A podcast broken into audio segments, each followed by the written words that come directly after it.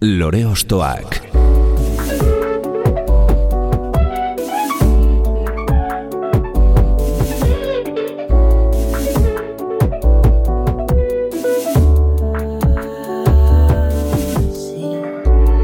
Ekain perezek aurkeztuta, gonbidatu bakoitza lore bat balitz bezala ostokatuko dugu. Jakiteko, zeintzuk diren bere lore ostoak.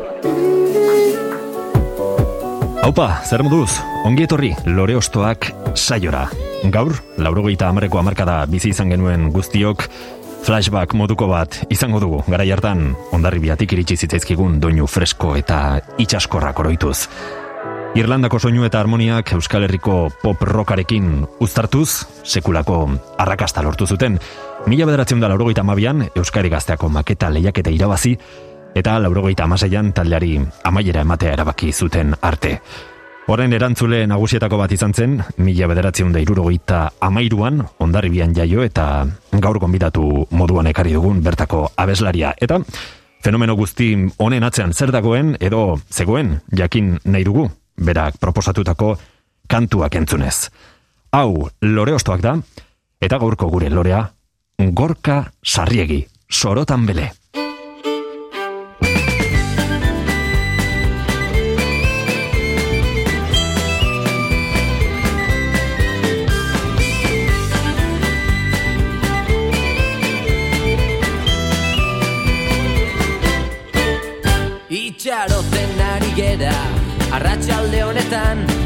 Zerbait aurkeztekotan Jende honen aurrean. Hemendik ateratzeko Kanta berri bat on bat.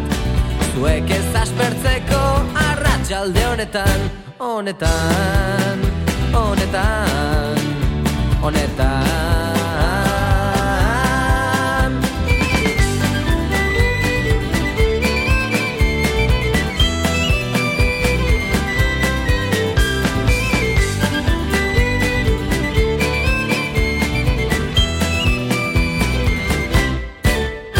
Laupa bostak orde jota Gitar zarronekin Dantzatzeko doinua Ez dugu besterik. Bilaguneko kuadrilla Izerdi patzetan Naiko izango dira Arratxalde honetan Honetan Honetan Honetan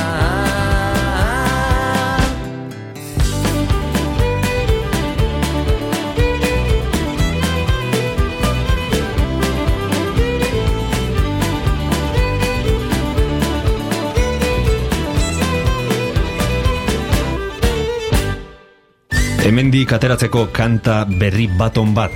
Zuek ez aspertzeko arratsalde honetan zenion. Zuen lehen diskoko arratsalde honetan kantu ezagunean. Eta iruditzen zait arratsalde asko eta asko izan zirela azkenean jendea ez aspertzen. Ongi etorri gorka sarriegi. Mila esker. Arratsalde asko izan dira ezta? Bai, arratsalde asko izan ziren, bai. Eta Bu, eta batez ere hori ba Euskal Herri barna desiente mugitu izan ginen horregatik Ez kanpo, zertxo bat mugitu ginen, baina oso gutxi. Baina bai, arratzalde ugari izan ziren eta, eta horri esker, ba, ezagutu genituen ba, hainbat eta hainbat Euskal Herriko txoko, ez? zein da besti hau entzutean etorri zaizun lehen oroitzapena? Ba, entxaiatzen genunean, talde guzti elkarrekin Bai, lehen esan duzu, bai, ondarribiko, ondarribitik atozela Baina, baina ez da guztiz horrela ez Eh, Ez da guztiz horrela, zeren ba, genitu lezotarrak baita ere, lezotarrak, ba, e, Mikel eta Ixiar. Eta, bueno, ba, orduan hori torretzai burura, ez? Entsaiatzen genunean lesoko Tomas Garbizu Udal Musika Kontserbatorioan. Eta mm, zenbat egun pasatu genituen bertan ba, abesti hauek lan zen. Eta nola sortu zenuen abesti hau edo? Bueno, abesti hau hasiera batean em, melodia eta musika etxian e, etxian bururatu zitzaidan eta gero entsaio batea joan ginen eta bertan hasi ginen denak abestia jazten. Eta ordu ba, ba, dena den letrarik gabe iritsi zen orendikan bai bai ahotsaren doinua baina letrarik gabe eta entsaio hartan ba zeo zer esateko entsaiatzen genuen bitartean ba, bilera txiki bat genuen, geratu ginen, eta bueno, nik gatu nintzen bileratik kanpo, eta hasi nintzen hor letra, letra idazten, ba, betetzegatik, zeo zergatik. E, gehiagizko garrantzia eman gabe letrari, eta ba, egindako gura ba, bertan gehatu zen. Arratxalde bat izango zen, noski ez? ja, ala izango zen. ez hori dut justu gogoratzen, baino, baino, bueno, e, alatea zen. Mhm. Eta taldaren sorrera nola izan zen, edo nola elkartu zineten? Bueno, lehen da Mikel Errazkin eta Urbil gehatzen zian ondarribin, e, bere, bere gitarra jotzen zuten, eta ba, geratzen zian elkarrekin, eta komentatu nindutenea, enteratu zian nik gitarra jotzen nula baita ere, eta ea elkartuko nintzen beraiekin, ba, ratxaletan, ba, e, ba, ratxaletan, edo, edo zein momentutan, geratu eta eta jotzeko, baina ninolako...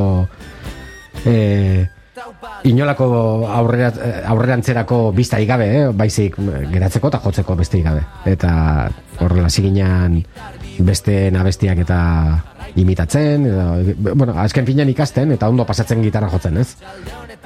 Eta ondoren e, hasi ginen abesti, gure abesti propioak egiten, Mikelek ezagutzen zituen eixiar eta eta Mikel berekin ikasi zutelako eta e, deitu genien, bueno, de, Mikelek e, bildu gintun guztiak, eta orduan hasi ginen hori ba, besti probiak egiten, eta ensaiatzen, eta gero Aitor Etxaniz baita e, oandik aretzekien ez da Aitor Etxanizek etzekien ez da bateria jotzen horrenik, baina garbi genuen bere izango zela bateri jolea, eta gero Ritxi Salaberria baita ere, bueno, ordena ez dakit ondo esaten naizen guztiz, baina horrela gutxineka gutxineka joan ginen danak elkartzen, Ritxi Salaberria bajo jotzen zuen, eta horrela ziginen danak elkartzen. Mm espero zen duten, nola baita izan zen duten arrakasta? Agian hasiera hasieran ez, e, baino gero denborarekin e, diskoa egin eta ezakit Ez, ez, inola ere, ez genuen, espero, ez da etzingun denbora gehiagirik eman, eh? Hasi ginen e, abestiak, gure abesti propioa komposatzen, eta bere ala txomin hartolak urbilen atxak, esan zigun berak bazula e, mai, graba, grabatzeko mai bat bere etxian, eta ean nahi genitun, sei abesti genitun, eta ean nahi, genuen, nahi genitun abesti grabatu. Eta bere grabatuko zigu, zizkigula bere etxian. Eta bertara joan ginen, e, abestia grabatu, maketa egin, eta maketa horrekin ba, guztia etorri zan ol, olatua babatean iritsi zitzaigun. Olatu iritsi zitzaigun, diska grabatu horretik, zer maketa ginen tabernatan saltzen, inolako, bueno, agian tabernan batetik dituko digute jotzeko, edo, baina no, zei abistekin bakarrik. Eta etzigun ez da horretarako denborarik eman. E, maketa lehiaketara orkestu genuen, Euskadi Gaztako maketa lehiaketara, eta maketa lehiaketa hori irabazi genuen, bigarren maketa, Euskadi Gazteko bigarren maketa lehiaketa zan, Eta hortik aurrea, bai, olatu gainean, bueno, olatu gainean ez, olatu gainetik pasatu zitzen. Baina guztiz espero gabe. Uh Beraz, olatuak harrapatu zinduzten nola bait, eta zuek gainean jarri, eta benga aurrera, ez? Bai, bai, hori, hori da, hori da. Uh Beno, agorka, zure eta zure taldearen musikaz hitz egiten hasi gara, jarraituko dugu geroago ere noski, baino orain zure alboan eraman dituzun euskal kantuak harakatu nahi ditugu, beraz, Esaiguzu, zerekin hasiko garen? Bueno, hasiko gera ni oso txikitatik ditudan oroitzapenekin eta zala ba familiko familiarekin elkartzen ginenean, bai osa, bai zebak, lengusinak eta normalian asteburutan izaten zen, bazkaltzera juten ginean ama pasaitu nuaneko daukat mhm. eta familia beraz, famili parte bat e, bertakoa da eta bertara joten ginean, ba, bazkaltzera eta eguna pasatzea beraiekin. Eta orduan, ba, bazkal ostean sortzen zen giro horrekin, osaba, izebak, danak abesten mai inguruan, bazkaldu eta gero, eta, bueno, ba, zian horrelako, horrelako abesti motak ez, ba, etxean abesten zirenak eta hori gogorazten dit hori eta ondo txikian itzela. Lepoan hartu eta segi aurrera, da ez? Pantxo eta peio. Bai, adibidez, abesti hau erabaki dut, baina horrelako hainbat eta hainbat abesti izan ditezke, eh? etzun justu abesti hau izan beharrik, baina bai, hau uraietako bat zan. Hau da nolabait gara horren esemplu bat, ez? Oixe, oixe, bai. Mm Itzei dagokionez, bueno, badakigu bertan zer esaten den gutxi gora bera, ez zuiruro gita amairuan jaiotakoa zara, bai. Euskal e, gatazkaren urteko korrak gertutik ezagutu zen dituen beraz, bai. Berun urteak bezala deituriko e, laurogeiko amarkadako garaiura, nera bezaroan bizitzea tokatu zitzaizun, eta baita Euskal Rock erradikalaren estanda. Agian, garai gogoraiekin austura moduko bat irudikatzen du sorotan beleren musikak? Eh, ez, eh, ez zuzenkita, eh, eta ez, et, ez, eta ez horrela bilatutako zerbait izan delako, baizik, Izan daiteke emaitza ala izatea, behintzat guk bilatu genuna etzen hori izan. Gero baita, e, ba, musikalitatearen timbrea izan agian erabiltzen genitun instrumentoak eta zer izan dute. Orduan, ez, etzen bilatu, bilatutako zerbait, baizik emaitza bat. E, gauza askoren batuketaren emaitza bat, ez? Aha. Musikak edo zein gatazkatan sekulako garantzia du, batez ere kutsu epik horrekin jendea oldartzeko garaian, eta kasu honetan lehen mundu garako It's a Long Way to Tipperary, kantu belikoaren doinuan oinarritua dago telesforo monzonen hitzekin batera.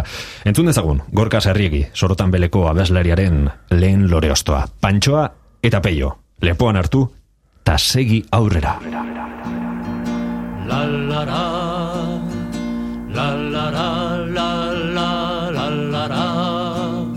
lepoan hartu ta segi aurrera. Lepoan hartuta segi aurrera. Gazte bat lurrean argitu dugu Lore gorriz beteri golko bat. Burdinen artetik igesi dator Euskal gazteriaren oiua eskuak elgar gurutza egin tabulutza denak batera. Bidean anaia erortzen bazaik Lepoan hartuta segi aurrera. Lallara Lallara Lallara Lepoan hartuta segi aurrera Lepoan hartuta segi aurrera. Ez dugu beldurrik, ez dugu lotxarik Norgeran zergeran aitortzeko. Ez gaituk lapurrak, ez eta zakurrak Kataiaz loturik ibiltzeko Gizonak bagera, jozagun aurrera, gure herriaren jabegin arte. Azkatasunaren negalazpian, kabia egiten oitua gare. Ibiltzen aspaldik asia dugu, otsoak eskutik hartu gabe.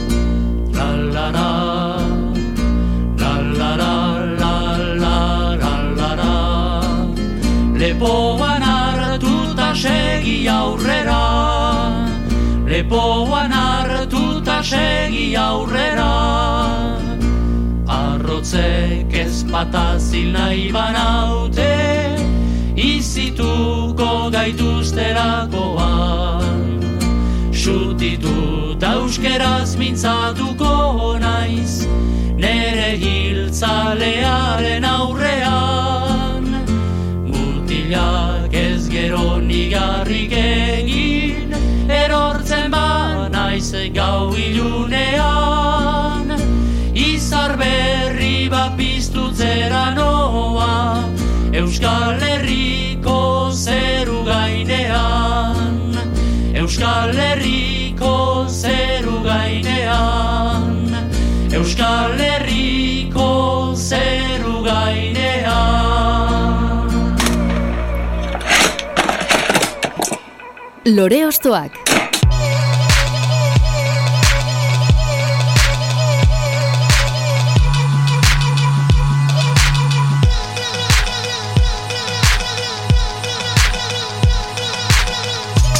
Pantsoa eta peio alde batera utziko ditugu eta guk ere gorka sarriegiren memoriak lepoan hartuta aurrera segiko dugu beste abesti baten bila. Zer proposatzen diguz orain, gorka?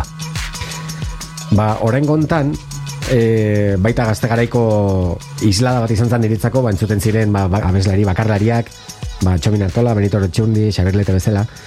Eta gara hauetan, bueno, ni atletismoarekin zer ikusia duen famili batean sartu, sartuta nago. Ah. Bai, nere, bai aitak, bai aneizarrenak, bai nere arrebak, eta gaur egun, ia gaur egun arte nere arrebak e, atletismo egiten jarraitu du. Eta, bueno, beti zer ikusi handi dako eta egiten genitun bidai asko, ba, e, krosetara, joateko, eta bizkaira, eta gogoratzen dut beti txikitatik, e, anaia korritzen zuen krosa bat, zornotzako krosa korritzen zuen, eta bertan Euskal Herriko birua beti izaten zan, gaur egun baino gehiago, lainotxua, euritxua, eta Orduan, Benitoren abesti honek beti ikatzen dizkit gogora gara jaiek, ez? Mugitzen ginela pixka bat korosetara eta horrela ikustera, eta bueno, eta ba, nik ben izango ditun ba, mar bat urte edo mm -hmm. gara jura. Abestiare, abesti hau da bizkaia maite, Benito lertxun direna. Gure paisaia pixka bat isladatzen duen abestia. Jose Angel Irigai poeta nafarrarenak dira hitzak, baino esan aiaz gain melodiak ere bere biziko garrantzia du abestian zuk, hitzak eta melodiak sortu izan dituzu, baino zein izan da zure abia puntua kantuak sortzeko garaian? E, nire barnea, batez ere, nire burua eta nire pasarte pertsonalak.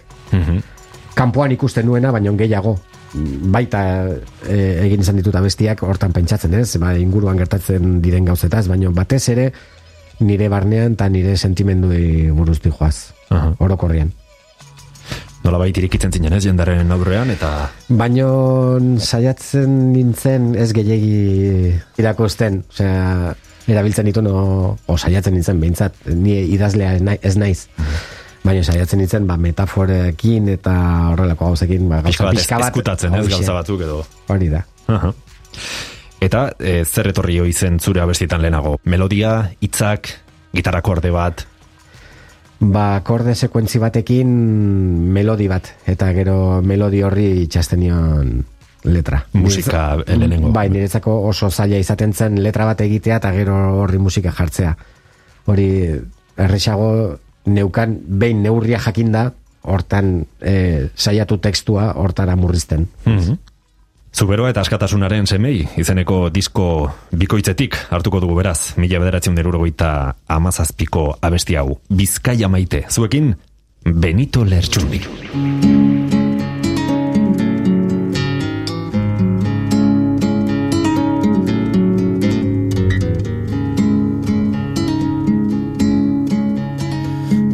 Bizkaia maite,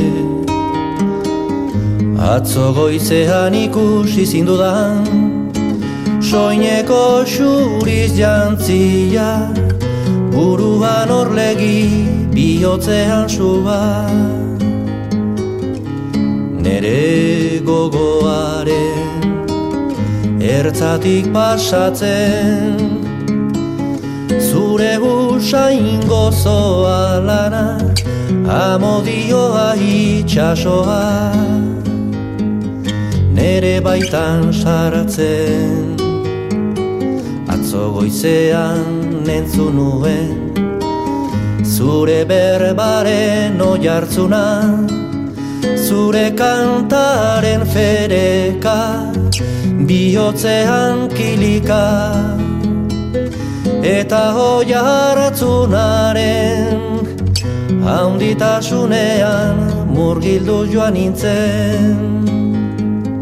Jauzika egaka.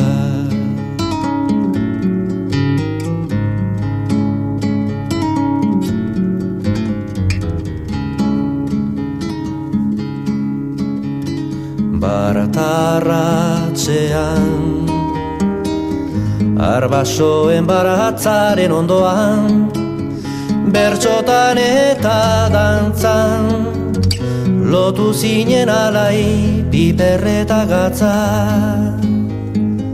Sabele manko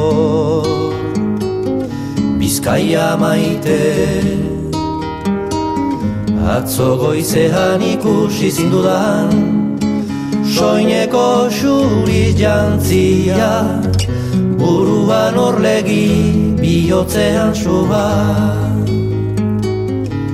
Olerkari Penatuaren gozo eta mina. Amodio eta kanta Zure berbalehun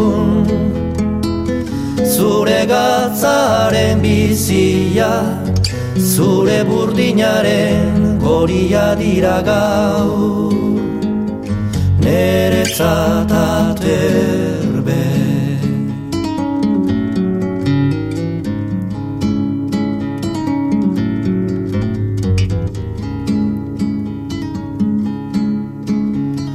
Bizkaia maite.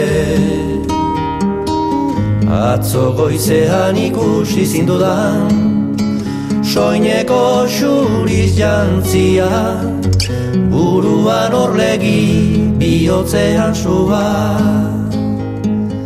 Lirain sendo ede Ekain perezek aurkeztuta, gonbidatu bakoitza lore bat balitz bezala ostokatuko dugu. Lore ostoak.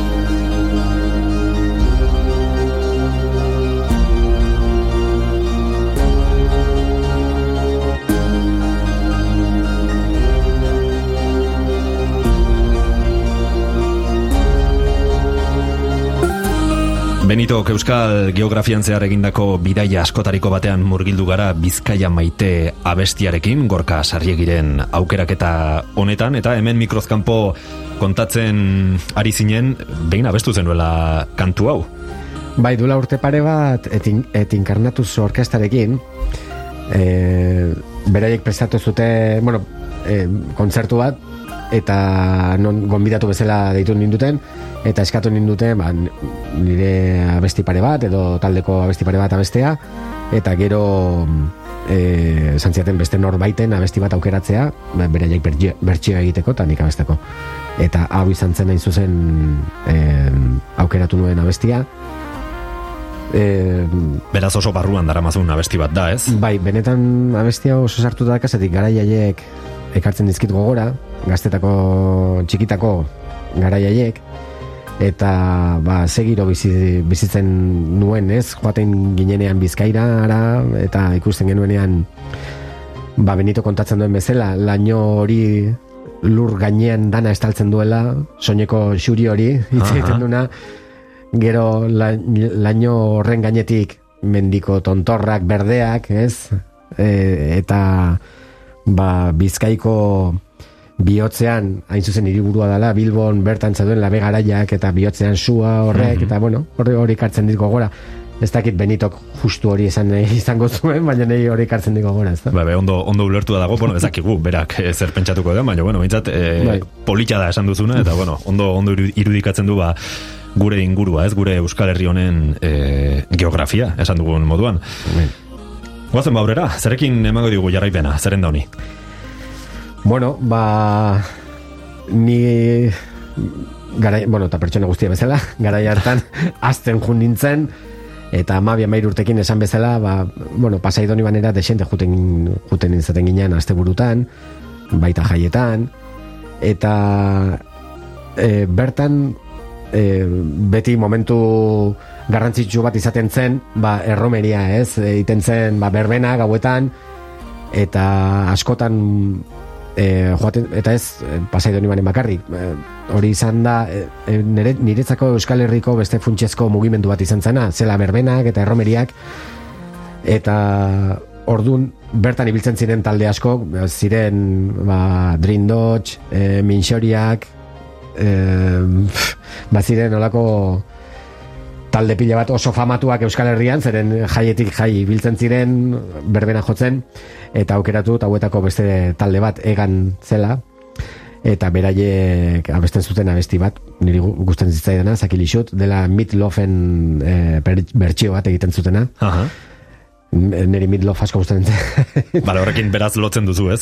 E, taldeak lotzen dituzu. Hori da, eta gaina, bueno, oso ondo egiten zuten, eta baino garai hartako beste islada bat zen, ez? E, berbena taldeak eta bueno, behintzat ni txikia izan da eta ni ez izan da aukerarik nik aukeratzeko kontzertuak edo oraindikan formatu gabe neukan nere, nere musika kontzeptua ba, hau zen nire inguruan e, pixka bat sentitzen nuena, ez? Bai, nolabait, berbena taldeak, eta bueno, kasu honetan, Bai. eganek iztu zezaken, ba, jende askoren arreta musikarekiko, eta batez ere zuzene, zuzenekoekin, ez? Hori zen, ba, deskubritzeko modu bat, jende askoren zatez, musika, eta kanpoko abestiak, ba, hemen euskera zentzutearen Bai. sentsazio berri hori, ez? Bai, ala, ala, ala pentsatzen honik, ere. E, askotan eta musikarien mundu barnean ez da oso ondo ikusia izan berbena mundua eta beti esaten da, ba, ba, kopiatu egiten duzu beste batzuk egiten dutena, Bai. eta ba, nire ustez hain zuzen garrantzia handia, handia izan dute zeren ba, beste taldeen abesti oso onak ekarri dituzte onera eta gainera e, oso oso modu egokian interpretatu dituztenak, bueno, batzuk egokiago ingo zuten, beste batzuk gutxiago, egun batean agian egokiago beste egun batean baino, baino azken finean, ba, musika hurbiltzen zioten jendeari.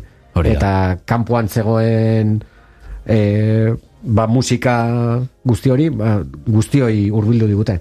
Bai, ze gaina garai haietan ez egoen gaur egun daukagun internetik, e, ba, gaur egun e, errex entzun dezakegu, ba, Ameriketan egiten den musika, Ingalaterran edo berdin du nonez, ez dago Bai. mugarik zentzu horretan. Baina garai hoietan mugasko zeuden, eta bueno, ba, modu batzen musika berria entzuteko, noski? Bai, baze, bazegoen e, entzuteko modua, ez, adik diskak eta saltzen Bai. ziren, atzerriko taldeen e, diskak saltzen ziren hemen, baina mundu guztia etze bilen hori, Hori hori erosten. Orduan, ba, nola bait, e, jendeari hurbiltzen zioten hor, musika hori. Aha. Eta Eus- Euskal Herriko, bueno, egan Euskal Herriko lehen superstarrak izango ziren agian, ez? Ze Mikel Azpirozek eh, beste saio batean komentatu zigun nola lehen aldiz fan fenomenoa eganekin ikusi zuen aurrez aurre, e, jende orokorrean zoratu egin, egiten zela beraien presentziarekin. A ber, garbi dago, eta nik ez dut e, eganekin hain zuzen e, justo beraiengatik esaten, baiz, baizik eta bai berbenako talde guztien Bai. bai. ba, beraiek izan daitezke islada bat, eta nolabait e, oso ikusiak izan ziren, eta oso entzunak, eta eta egia esan, ba, talde guztiak egiten zutena da, herri guztia dantzan jarri. Hori da, lortzen zuten. Lortzen zuten herri guztia dantzan jartzea, eta kriston festa giroa, egotea.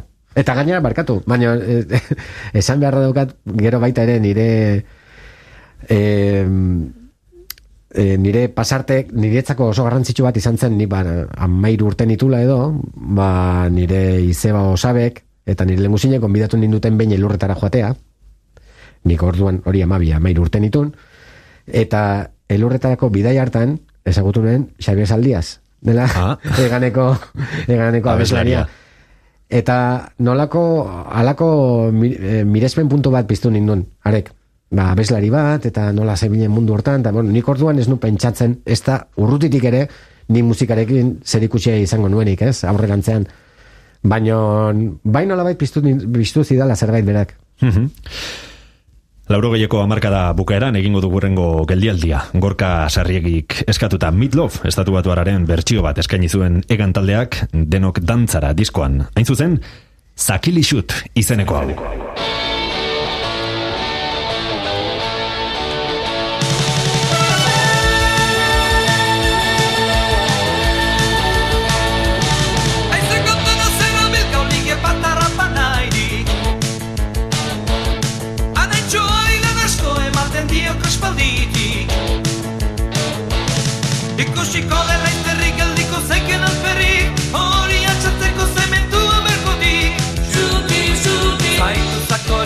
Zaitu zakori Bera papakarra iramak eman baiti Zaitu zakori, zaitu zakori Amaik elore der erreskazi melduti Baina orain esinaz ez dudo berrian sarturik Atxagini Romuro pixkatona denoi baitian orkesteko Jan energia eta lo asko. Horrela zaitzen bandukan hain txikien guzan mozolo. Mozolo, mozolo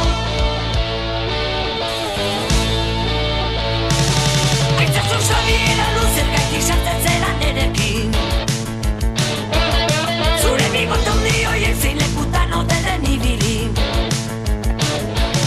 Zure gana txiki hori ez da bakean geldituko. Makina aldi jolasean da egongo. Xuti, xuti, xuti, xuti Zaitu zakori, zaitu zakori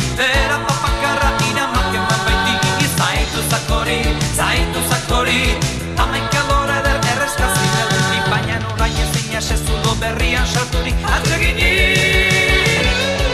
Da modulo piscatona de noix betia no gesteco, Ya lo asko. Orela se te madu cara chiqui, e ko somos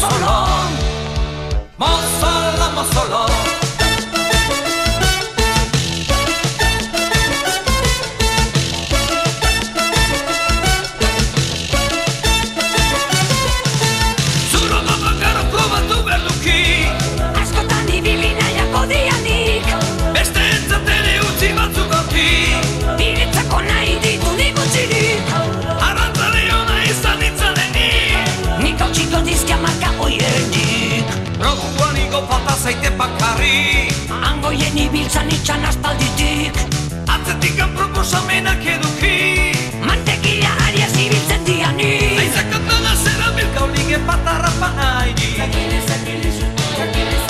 Anatxoa ilan asko ematen diuk aspalditik Ikusiko dela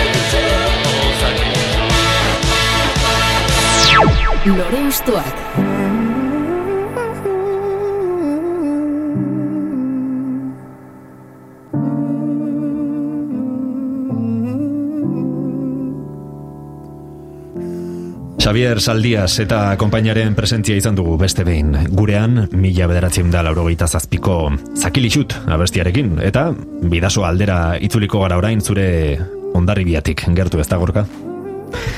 Ba bai, irunagoaz, eta bertan, bueno, ja, sartuko geanik am, ba, mala urte, amabost, e, pixka garai hortan, eta orduan astentzea ja, pixka bat entzuten, e, zuk nahi duzun musika gehiago, erortzen zaizuna baino. Bueno, nola baita erortzen zaizun musika hau, eta guztikera Bai, baina bai nolabait autu bat egiten duzu, ez? Eta o, Bai. edo erabakitzen duzu non sartu, edo ze, ze mobidatan, edo ze girotan, eta... Bai, eta ordurako, ze nila mairu urtekin horrela zinitzen gitarra ikasi nahiean nolabait, eta um, orduan e, abesti hau entzun nuen, eta zinitzen abesti hau jotzen ikasten, nahi nulako, Ba. eta baitan udalekutan entzuten genuen, ba, egiten genuen, egiten genituen dantzak gauean, eta horrela, eta bueno, ba, musika, musika hau, eta urrengoa eta urrengo aukeratu abe- eh, dudan abestia horrekin zer ikusia dute, ez? Aha. Ja, pixka guk aukeratzen genuena, eta guk eramaten genuena bertan dantzatzeko, eta Pentsatzen dut gertutasunagatik bada ere esanguratsua izango zela zure musika ulertzeko prozesu horretan, ze beti ere zure inguruko norbait kontzertuak ematen edo diskoak egiten ikustean, nolabait zuk ere egin dezakezula sentiarazten dizu, ez? Bueno, ez dakit da e, sentiarazten dizun hori zuk egin dezakezula, ala, ala grina bat pizten dizu, pizten du zure barnean, ba, bueno, gustatuko litzai dake horrelako zeo zer egitea, ez? Hori da gehiago bien. Ze gorka sarrik ikusten duzu abesti hau lehen aldi zentzuten?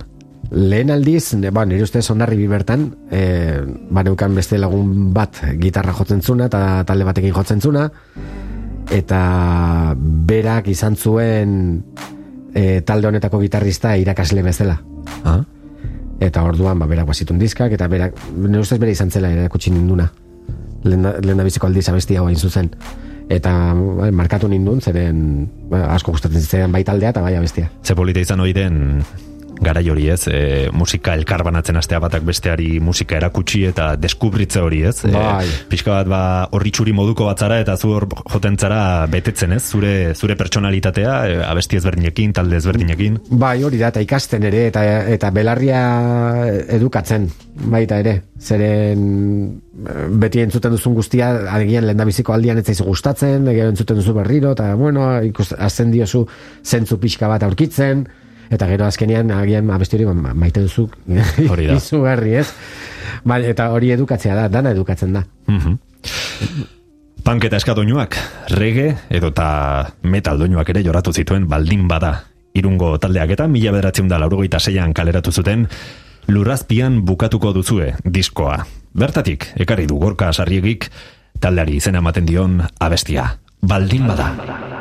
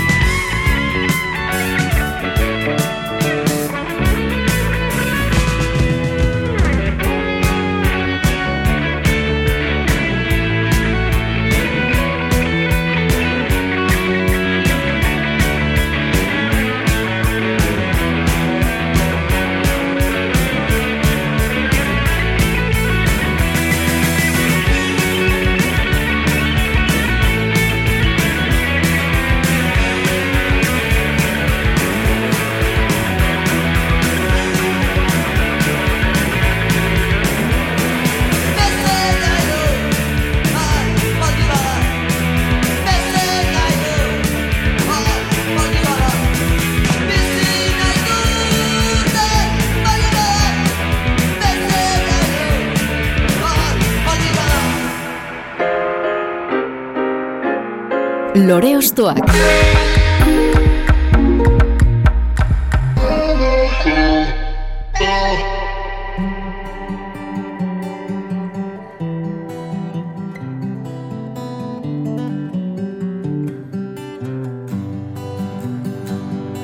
Arotzak zuen alaba bat Zan herriko xarman garriena Bi gizonek nahi zuten jabe izan. Haren bihotzaz nola esan? Zer dun, zer dun, ene alaba. Marinela maite dut aita. Ez aldun ulertzen ezinezkoa da Jauntxoa dairetzat maitia. Orduan negarriak denak ziren bat Maitasun ukatuaren Jauntxoa dator iresku bila Marinela Irlandara doa Marinelaren zai jarraitzen duen neskaren azalean zenbat pertsona jarriko ziren mila bederatzen da laurogeita amabitikona abesti hau entzuterakoan. Gorka giren oroitzapenen kasa ireki dugu, baino kantu honekin entzule askorena ere egingo genuen ziur. Zer sentitzen duzuzuk abesti hau orain entzuterakoan, Gorka? Ba, berriro etortzen zaizkit e, ba, taldearen garai hartako pasarteak, ez, izan genitun pasarteak honekin. Eta ba, oraindik eh, baita ere, eh, bueno, sinez, sinez gaitasuna, ez? E, oraindik horrelako abestiak eta entzuten jarraitzen. Eta, Horren beste urtera gero, ez? Bai, zaila egiten zaitu lertzea hori. Oraindik baina... Baina, bueno, hori, bai, poza aldi berean, arrotasuna, eta... Ez dakit, eta... ba, Nostalgia puntu bat. Eta, baita, eta harridura, eta nostalgia ere, pixka bat, bai, hori da.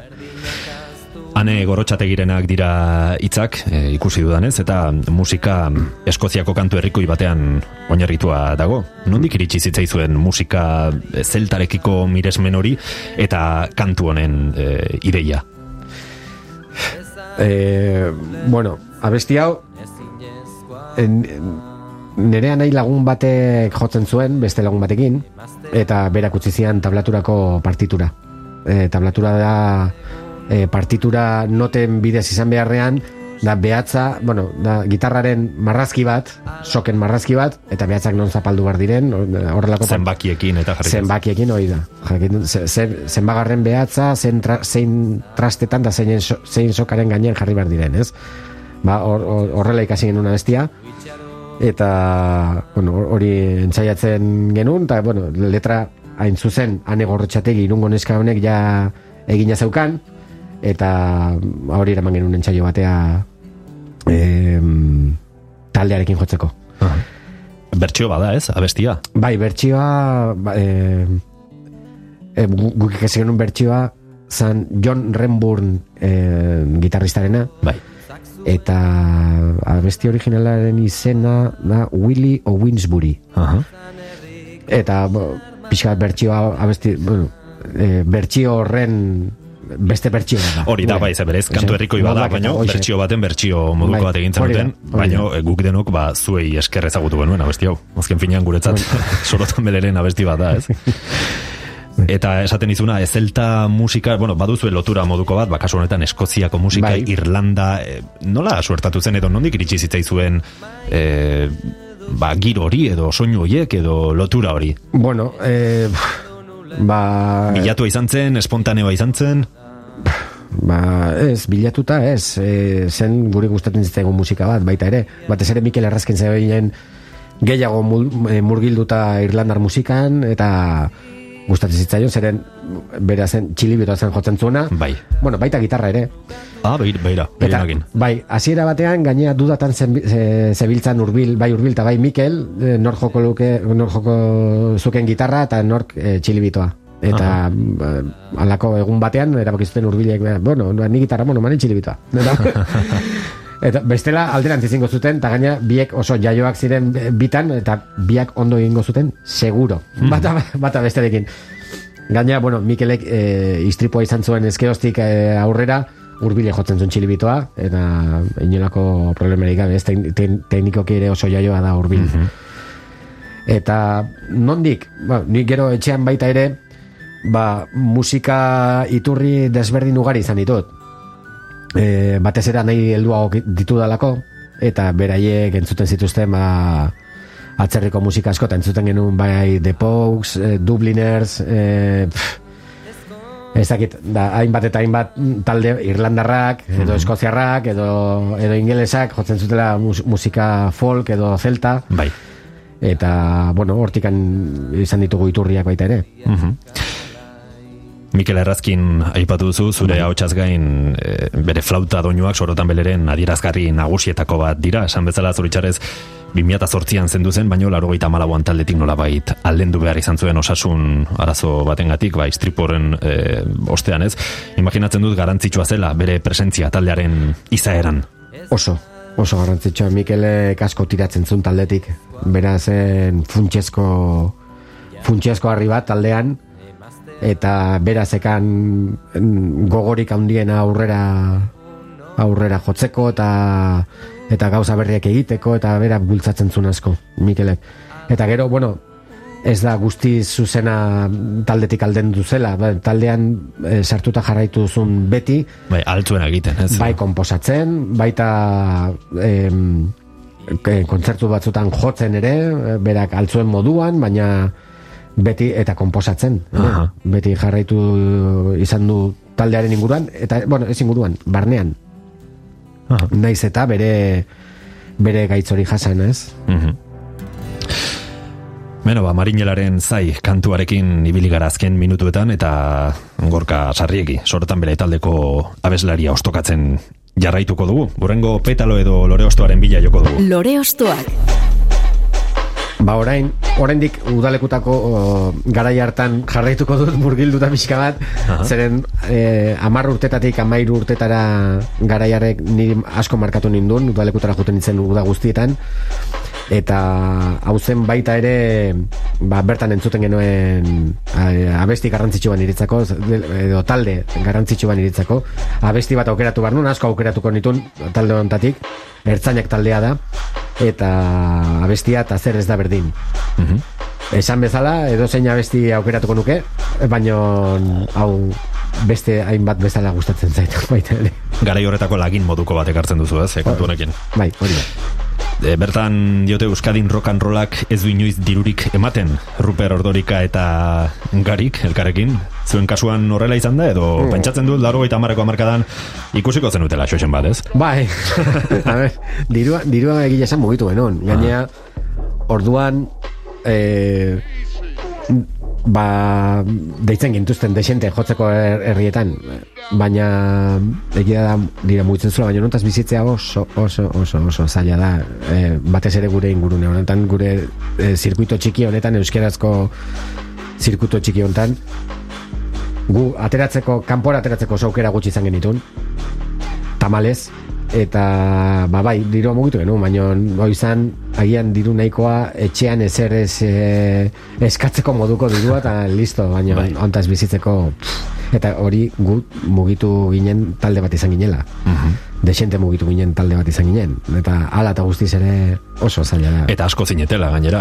Nahi Eta- dut esan, askotan ba, pertsona bat izate edo bi, ba, bueno, erresten du bai logistik aldetik, bai e, prezio aldetik edo katxa aldetik, Bai. zuek asko zineten Bai. baita ere. Bai, eta gainera, bueno, ez da berdina kontzertu txiki bat arna batean egitea, ala herriko plaza txiki batean egitea, herri txiki baten plaza txiki batean egitea, zeren presupuestoak ez dire berdinak, behar duzun ekipoa toki zabal eta ireki batean ez da berdina toki itxiala txiki batean, orduan e, zure katxeko diru asko gehiengoa joaten da ekipoa, ekipo alkilatzen, bai soinua, argiak, e, teknikariak, e, baldin baduzu managerra, baldin baduzu e, e, bueno, gero mugitu bartzera, herri zerri, baskariak, afariak, gastuak eta geratzen dana ba, gure kasuan zazpiren artean. Ah, noski, bai, bai. Orduan, bai, dirua mugitu dugu, baino Hau asko zeuden, hor, asko esate dute, ba, jo, sorotan bele kobratu ez dakizen bat eh, hemen jotzegatik, eh, bai, bueno, bai, diru hori balio du, sorotan bele ara joatea, baino hori horrek ez du esan nahi diru hori guztiz guretzako danik. Noski, gero hor, kenketa batzuk egin beharrak zeuden. Batzuk, bai. Eta gaur egun nola ikusten duzu musikatik bizitzaren egoera? Asko aldatu da, garai hartatik ona? Ba, hemen Euskal Herrian, bai, nire ustez, bai, baino tamale, bueno, ez nago guain murgilduta mundu hontan, baina nire ustez eh, okerrera egin dula. Bai. Orain gaur egun, eh, askoz ere kontzertu gutxiego daude, eh, pff, askoz ere diska salmenta, bueno, diska salmentak desagertu egin dira. Bai, dira simbolikoak, ez? Bai, desagertu dira, bueno, bueno nola baita esategatik, desagertu egin dira, Bai, bai, bai. salmentak, eta borduan ontaz bizitzea, bostakit, eh, baldin bada, norde baldin bada, oh, musikaz bizitzea, musikaz bizitzea, Agian ez da ezinezkoa, baino kontzertu jotzez eta bizkak saltzez bizitzean nire ustez, bai, behintzat eh, hemen gure inguruan. Bai. Agian izan zaitezke gero musika irakaslea, aparte, Hori da, hori da. zeo zer betetzeko, Zeharkako moduan, ez? Eh, agian ez zuzenki musika eginez, baizik eta, bueno, inguruko... eh, Bai, bai beste, beste gauza batzuekin betetzen, bestela nola, nolabait eh, eh, bai, ba, betetzen, bes- bestela kontzertu abestez eta bai, oso zail. bai. Mila bederatzen da laurogeita lau garren urtera joko dugu oraingoan, beraz, ertzainaken lehen diskoa ireki eta bertatik, ba, gorka sarrigik ekarri digun abestia entzuteko. Ta zer ez da berdin.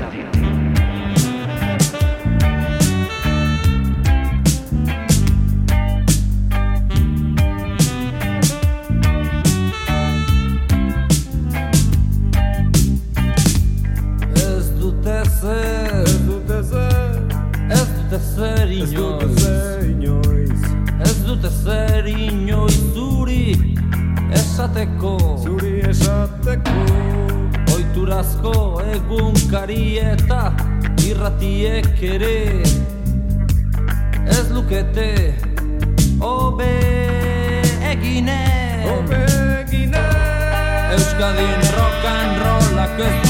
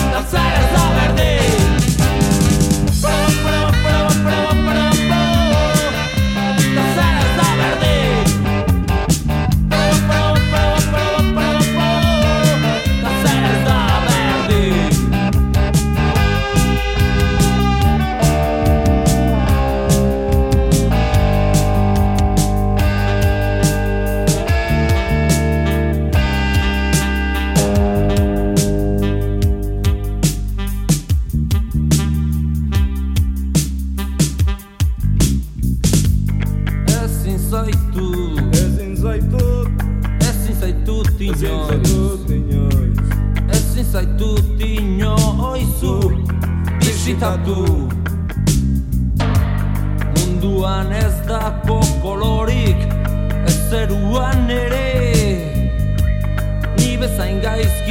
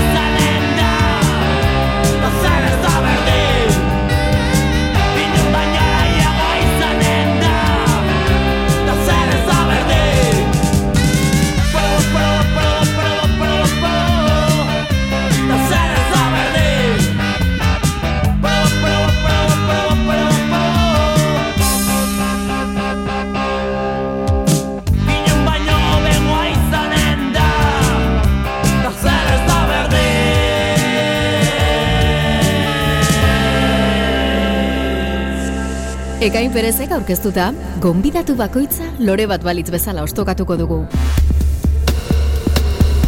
Lore ostoak.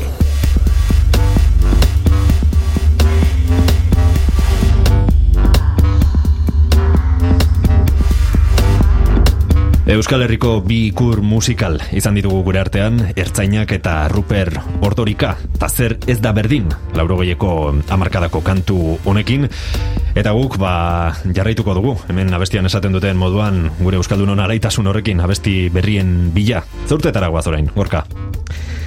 Bueno, ez gera gehiagin mugituko gara hartatik, e, ba, ni hori amabost tamasei urte izango nituen orduan, eta ba, esan bezala ja estentzea entzuten bizka gehiago zu nahi duzuna, zu gura dakazuna, eta nik beti ba, Euskal Herritik gehienetako eh, mirestu izan dudan e, talde, talde bat izan da itoiz.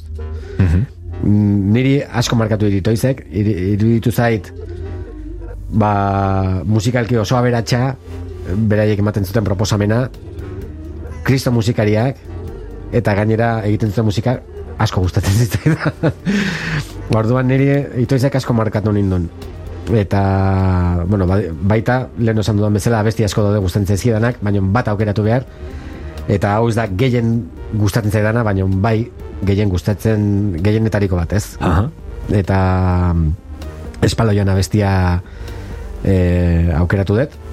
Gustatzen zait niri abesti hori jotzea baita ere, gitarrerik. Eta disfrutatzen dut abesti hori entzuten baino hori garai hartako e, eta eta aurreko garaiko bizkat aurreragoko garaiko ba, talde oso mirestu bada niretzako Mhm. Batzuek kritikatu izan dute itoiz bere hitz edo letra metaforikoengatik, batez ere mezua hain garrantzitsu zen laurogoieko hamarkada horretako testu inguruan, edo mezua baino mezu zuzena, ze metaforen bidez ere mezuak igorri daitezke, naiz eta entzuleak esan nahia bere modura destifratu behar duen, ez? Bai. Agian gauzak esaten esan nahi zenituela zuk ere, baino pixka batez hain zuzenki, ez? E, pixka bat gordetzen. Eta jende askok, ba, hori ez du ondo ikusten, edo, bueno, ez dakit. Bueno, beste askok bai. Hori ez da beharrezko izan behar duen zerbait, eta agian esaten ari da pertsona horrek e, aurpegira botatzen ari diona ala okerragoa, baina beste modu batean, eta hemen ez dago inolako erregelarik nola bakoitzak idazten du, idatzi nahi duena atretzen zaiona, eta ateratzen zaion moduan. Eta hori niri oso beretxa iritzen eta gainera niretzako hori doai bat da. Eta e, Juan Carlos Pérezek hain zuzen, e, doai hori daka top-topean, eta nire- nik miresten dut horregatik. fonetismoari garrantzi asko ematen dio, ez? Eh, Ahotsaren sonoritateari eta hitzen sonoritateari baita ere, ez? Ez Bai. bakarrik esan nahiari. Bai, eta hori, ba, hain zuzen ere, gauzak nola esaten diren, ez bakarrik zer esaten duzun, baizik, nola esaten diren, e, e, horrek baita ere da kuadro bat bezala, ez da bakarrik zuaitza margotu nahi dut, eta zuaitza duzu enborra, adarrak eta Aha.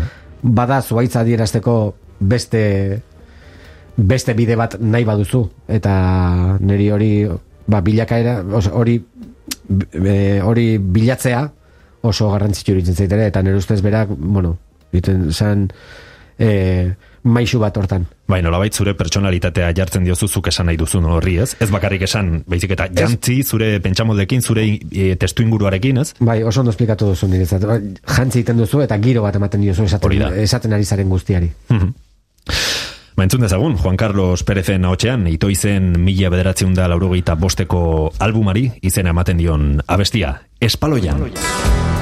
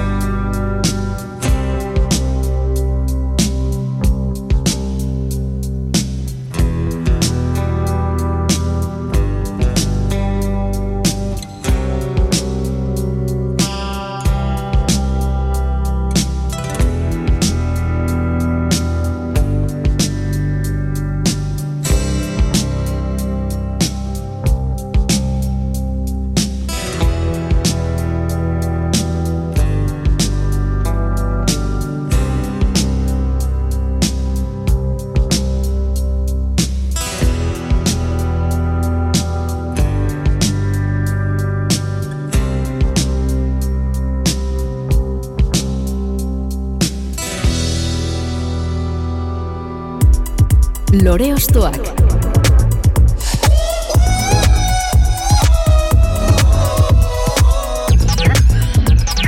Mutriku eta ondarru artean eman ditugu azken pausuak, itoiz taldearen doinu gogoangarriak berreskuratuta. Kantuak gure bizitzaren momentu ezberdinen isla izan ohi dira eta gorka sarri giren beste une konkretu batera bideiatuko dugu denboran edo bueno, e, garai beretsura edo berak esango digu ze garaietara goazen orain.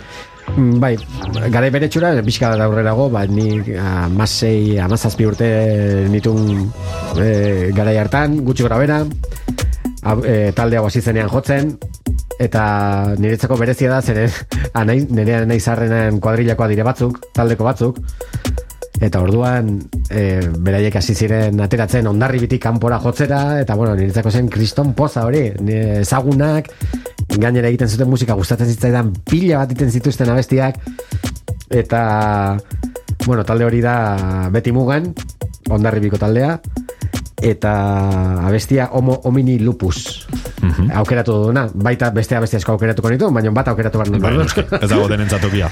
Eta izan zen niretzako e, ba hori posa handia ik, eta ikustea jende ezaguna eta herriko jendea horrelako arrakasta e, edukitzen astea irratian entzundak eta eta ez dakit horrek markatu nindun be, talde honen talde honen pasaerak ba, marka, asko markatu nindun Aha. Lehen esaten genuen bezala baldin bada taldearekin, bueno, hauek irungoak ziren, Bai. e, kasu honetan ondarribikoa izatearen sentsazio hori, ez, esaten duzuna, ba, ikustea talde bat zure herrikoa kontzertua jotzen, eta jo, motivazio handi bat izango zen, zure, zuretzat, noski, eta zuentzat. Motivazioa eta poza. E, Noski. Ni gogoratzen ez, oa, jo, e, ja adina neukan orduan e, kontzertuetara joateko ikustera. eta buen atzetik mugitu nintzen. Mugitu nintzen naita, zeren miresten ditun, ezaguna nitun, oso jende ona da, eta eta, bueno, niretzako hori poza handia izan zen. Bidasoa inguruko estenak pertsonalitate handia izan du beti, ezta? E, bai, bueno, badire ondarribin izan dire baita beste talde asko ere ez nitun guztiak sartzeko aukerarik bai dut Hori da. e, baziren ondarribin lifin-deatik baziren e, ba, astuko du norbait eta eta sarratuko dira. Baino bueno hori izan zan beste, beste olatu beste olatu bat ez? Bai, hori gure, gure inguruan jendea oso motivatuta zegon esateko gauza askorekin eta eta gogo handiekin gauzak esateko. Eta hori isladatu zen ondarribin. Silozibe inguru horretan, ez? hori da hori da. Silozibe udaletxeak utzi zigun lokala bat eta bertan eh, hasi ginen eh, akondizionatzen bertan ensaiatzeko eta hori dena e, eta bueno bai mugimendu kristona izan zen ura Mhm. Disko hau laro amabikoa da, justu zuen ibilbidea hasi zen urtekoa. Bai, bueno, gure ez bali manago oker, ba, gure maketa e, urte horren ingurukoa izango da. Bai. Eta, bai, baina beraiek lehenago hasi ziren gu, baino talde bezala. Aha. Eta horregatik, baino baita ikustea beraiek sai, bueno, jotzen zutela eta ateratzen zirela ondarbitik kanpo eta nire, bueno, niretzako hori izan eta, bai, eta, eta oso musika polita eginez gainea Aha. Bueno, ba, guazen hori bizitzera, esan bezala, bidasoa ingurura goaz oraingoan, ondarri bira, gorka sarrigiren jaioterrira, bertako estenan sekulako garantzia izan zuen beti mugan taldearen doinuekin, mugan, mila bederatzen da, laurogeita amabiko diskotik, hau da, homo homini lupus.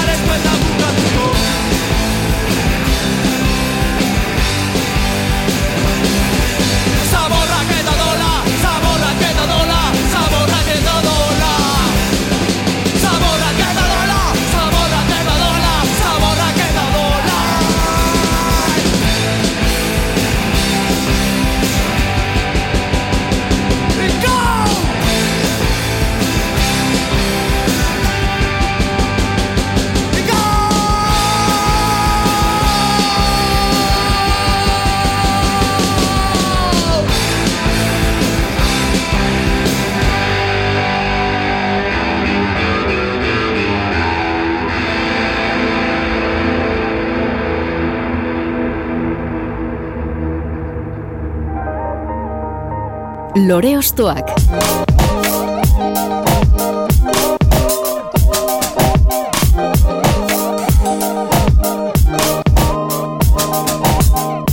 Beti mugan, ondarribiko seikoaren homo homini lupus kantuarekin, laurogeita amareko amarkada hasieran izan gara, sorotan bele sortu zen egunetara itzuliz, edo bueno, inguru horretara, gorka sarriegi, sorotan bele taldeko abeslaria ostokatzen ari gara gaurkoan, eta bukatzeko, azken lore osto bat, eskatuko dizut. Bueno, ba orain ja hurbilduko gara gaur eguneko gutxi gora bera gaur eguneko garaitara eta ba niri Euskal Herriko musika giroan e, gehienetariko gustatzen zaidan talde bat da. Oain urrengo esango duena, eta da Ken Zazpi taldea.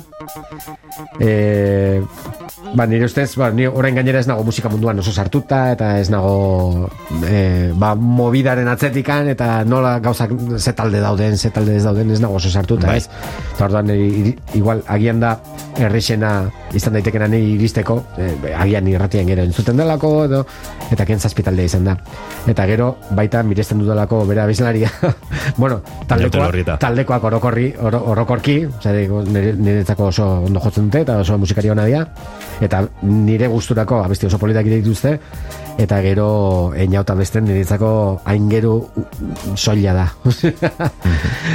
oso, oso ondo abesten du gusto handiekin, bai teknikaz eta bai, ez dakit, niri, niri unkitzen dit barrutik. Mhm.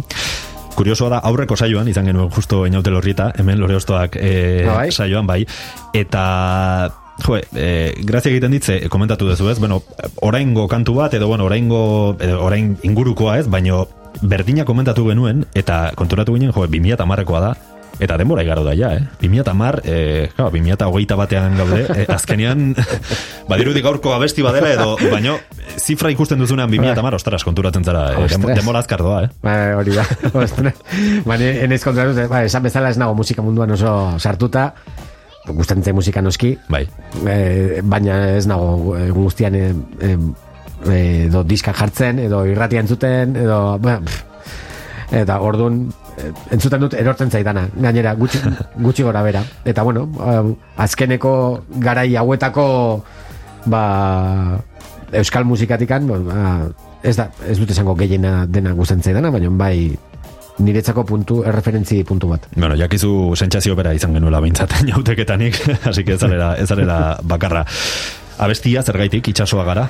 Ondarebiko itxasoa gertu duzuelako edo badu zer ikusirik edo ez? Ez, ez kasualitatea izan da. Osea, abesti, be, gustatzen zaidalako eta punto. Bai, vale. Eta badirelako beste abesti asko gustatzen zaizkidanak, baina, bueno, zaid asko bad- badaukatu hain zazpi urtetako seme bat, eta lau urtetako alaba bat, eta beraiek abesti hau ere bullaka abesten dute, Osea, asko gustatzen zaielako, entzuten dugunean, tarteka, irratian, edo, eta, bueno, oso gustura entzuten dudan musika bat delako. Aha.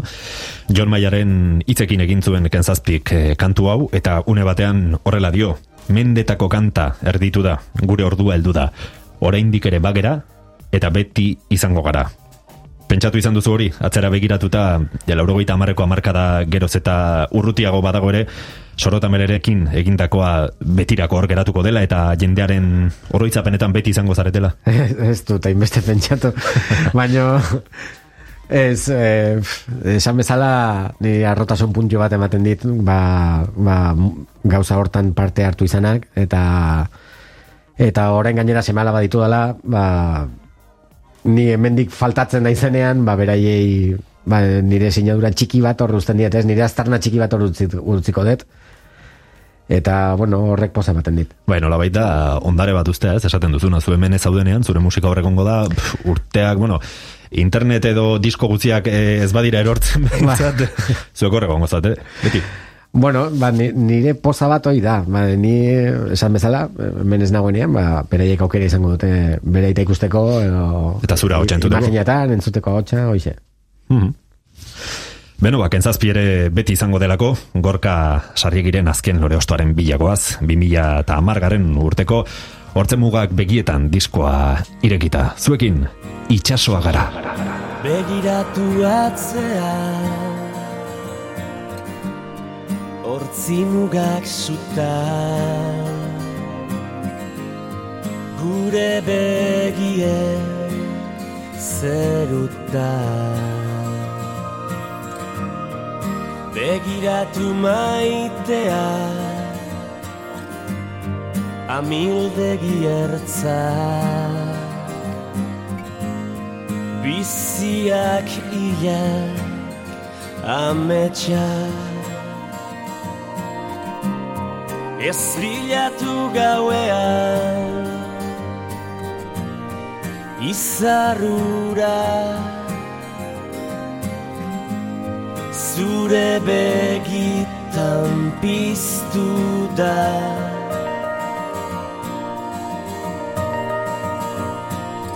Ta ez galdetu inoiz zer galdu genuen Negar egin genuenean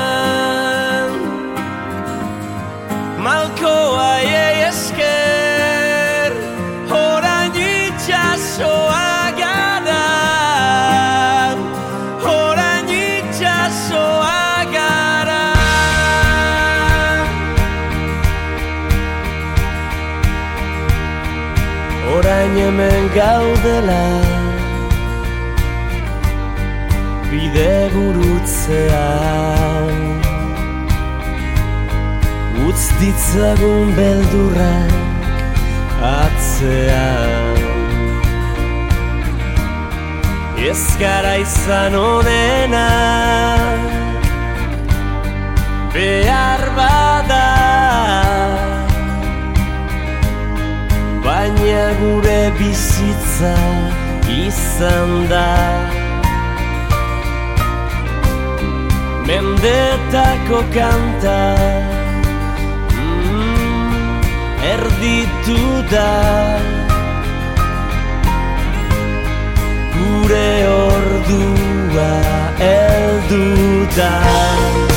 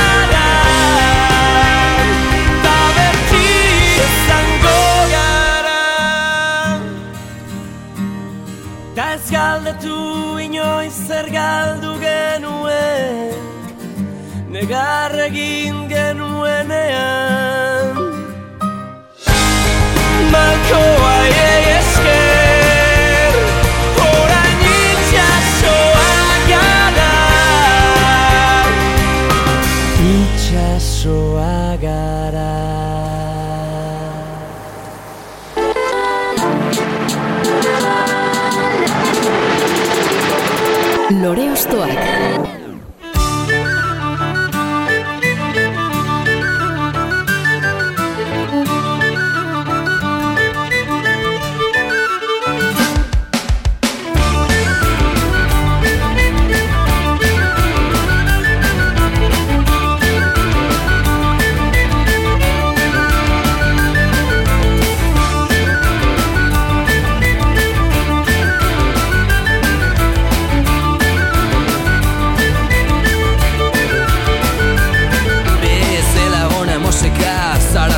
Zaratatxu eta guantazina Txakurra zonka dabil Nospait isilduko da. Telefonaren txirrinak Goizero, goizero esnatzen nau. Burbuxa baten barruan Bizi nahiko nuke. Atzoko gogorrak Kortzak puskatzeko moduan. Benetan nazka ematen dit Kutxako kola luzeak Kaina bat edango nuke Baina medikuak kalera zidit Itxasoaren zabelean Bizi nahiko nuke.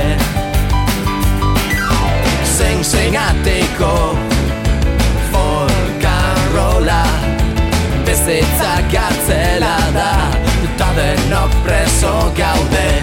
Zein zein ateko Folkarrola Bizitza gartzela da Eta denok preso gaude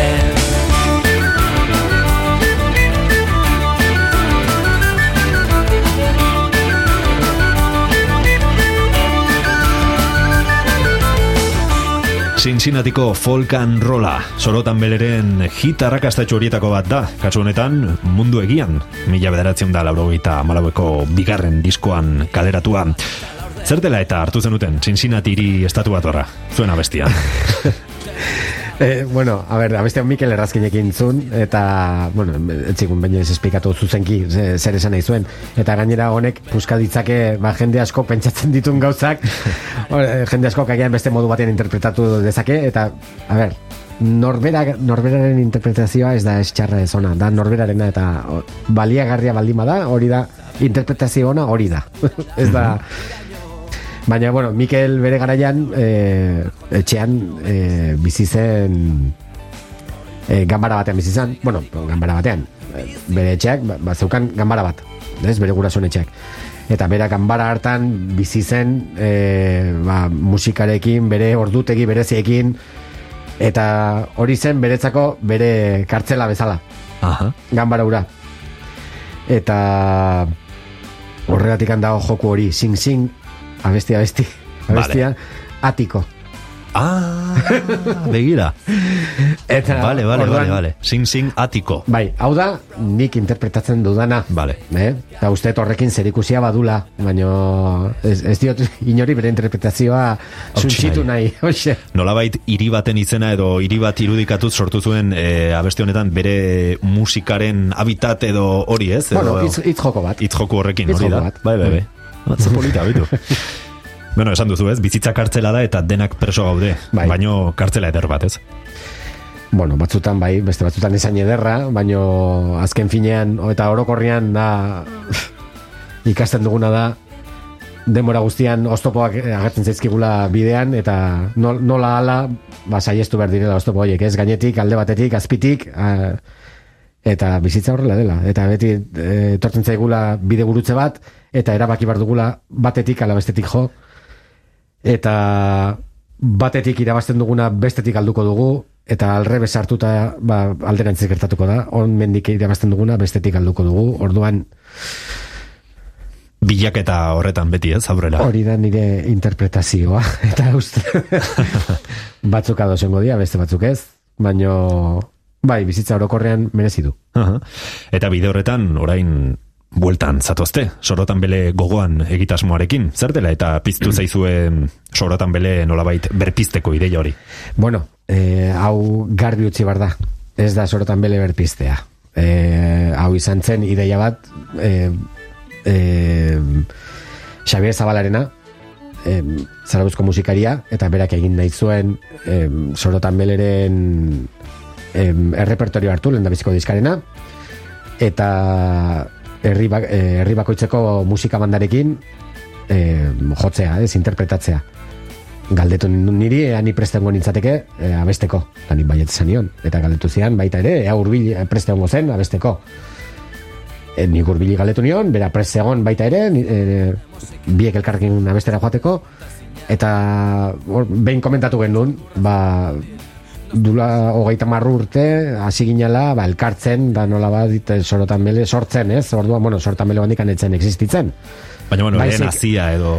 Hori da, elkartzen. Ba- Eta, bueno, ba, hori dela eta, ba, pentsatu zuten, esatea, bueno, sorotan bele gogoan, ez, o, eh, gogorarazteko sorotan bele, baina ez da, ez berretorrera bat, ez da bere elkarketa bat, orduan honekin kontu izan behar da, zen, eh, Omenaldi moduko bat egingo duzu, beraz, ez? Bueno, omenal oroitzapen bat, Hori da, besteik ez, egin behar dugu eh, herriko musika bandek eh, joko dute, joko dituzte gure abestiak, eta urbiltania eta gara laguntzera, eta beraiekin abestea, elkarrekin abestea.